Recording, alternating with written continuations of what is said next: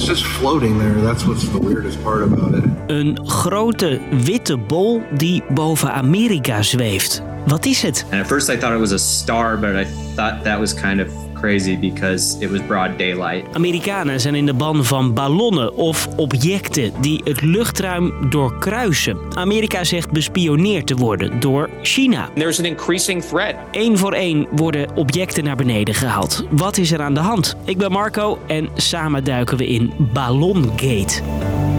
Lang verhaal kort. Een podcast van NOS op 3 en 3FM.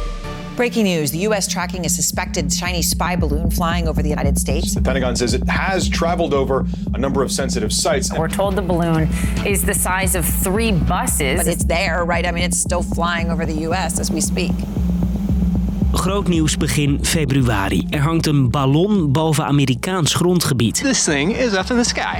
Amerika zegt al snel het is een spionageballon van China. Ze wachten tot hij veilig boven water hangt en schieten hem neer. I believe it just happened there. That China spy balloon has now been shot down. They successfully took it down, and I want to compliment our aviators who did it. Al dus de Amerikaanse president Joe Biden. En voor het weekend schiet Amerika weer iets uit de lucht dat boven Alaska hangt. President Biden ordered the military to down the object. Was its appearance like the Chinese aircraft? No, it was it, it was much much smaller, roughly the size of a small car. En dit weekend halen Amerikaanse gevechtsvliegtuigen opnieuw wat naar beneden, boven Canada. We have no further details about the object at this time. En na het weekend wordt er nog een keer iets neergehaald. Voor de derde keer in drie dagen. The latest now in our breaking news. The U.S. military has shot down another high altitude object.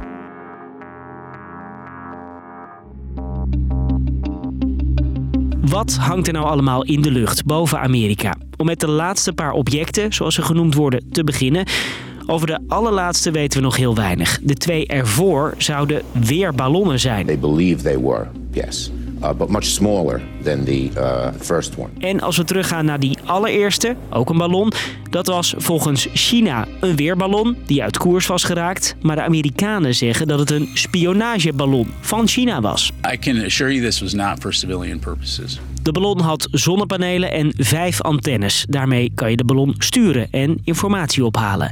En hij voer over belangrijke militaire basis waar lange afstandsraketten liggen vertelt veiligheidsexpert Willemijn Aarts. In Montana heeft de Amerikaanse defensie een aantal bases... waar onder andere ook nucleaire faciliteiten zijn. Dat is natuurlijk heel ontzettend interessant voor China... om daar een beter beeld van te krijgen. En zo'n spionageballon, dat klinkt misschien ouderwets... Je hebt ook allerlei satellieten boven de aarde hangen, maar ze worden nog steeds gebruikt. Amerika hing ze ook boven Irak en Afghanistan jaren geleden. En China zou ze dus ook boven Amerika hebben hangen, want ze hebben voordelen. Hij vliegt vrij hoog in de lucht, boven commerciële vliegtuigen. Heeft daar wat minder last van weersomstandigheden, waar satellieten soms wel last van, van hebben. En kan ook wat langer op één plek blijven hangen, wat weer andere informatie op kan leveren. En ze zijn relatief goedkoop. En dus zou China ballonnen vaker inzetten volgens Amerika. Maar wordt er echt mee gespioneerd? Volgens sommige experts is het ook een vorm van uitlokking. Dus even kijken hoe Amerika reageert. It's scary. Al dat gedoe met de ballonnen zorgt voor onrust. Volgens de Amerikaanse president Biden is die ballon een dreiging. Make no mistake about it. If China threatens our sovereignty, we will act to protect our country and we did. En ook China zegt nu dat ze iets hebben zien vliegen in hun luchtruim. Je hoort China-correspondent Gary van Pinksteren. Het kan dus zijn China oplettender is geworden. Maar het kan ook zijn om aan te geven van kijk, Amerika of wie dan ook... die doen dit soort dingen ook in en bij China. Wij worden uh, net zo goed bedreigd. Al die spanningen komen op een bijzonder slecht moment. De relatie tussen de landen staat al een tijdje onder extra hoge druk... zegt China-expert Ingrid de Hoge. Meestal ontstaan de spanningen rondom een militair incident, bijvoorbeeld in de Zuid-Chinese Zee. Maar dit is totaal onverwacht. En het laat eigenlijk zien hoe gespannen en slecht de verhouding is tussen Amerika en China op dit moment. Vanwege die spanningen heeft Amerika een belangrijk bezoekje van buitenlandminister Blinken aan China afgeblazen. It's an irresponsible act. Voor het eerst sinds tijden zouden de twee landen met elkaar praten.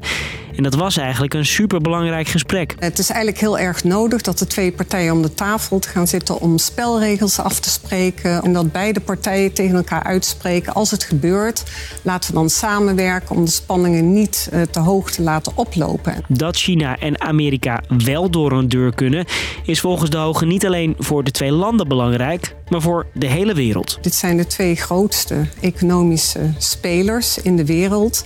Eh, nodig op alle van samenwerking. Dus je wil niet dat die twee in conflict komen. Want daar, daar hebben we allemaal onder te lijden. Dus, lang verhaal kort, ballonnen blazen de spanningen tussen Amerika en China flink op.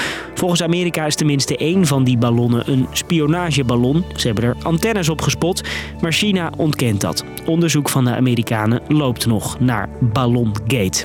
En dat was hem weer. Thanks voor het luisteren.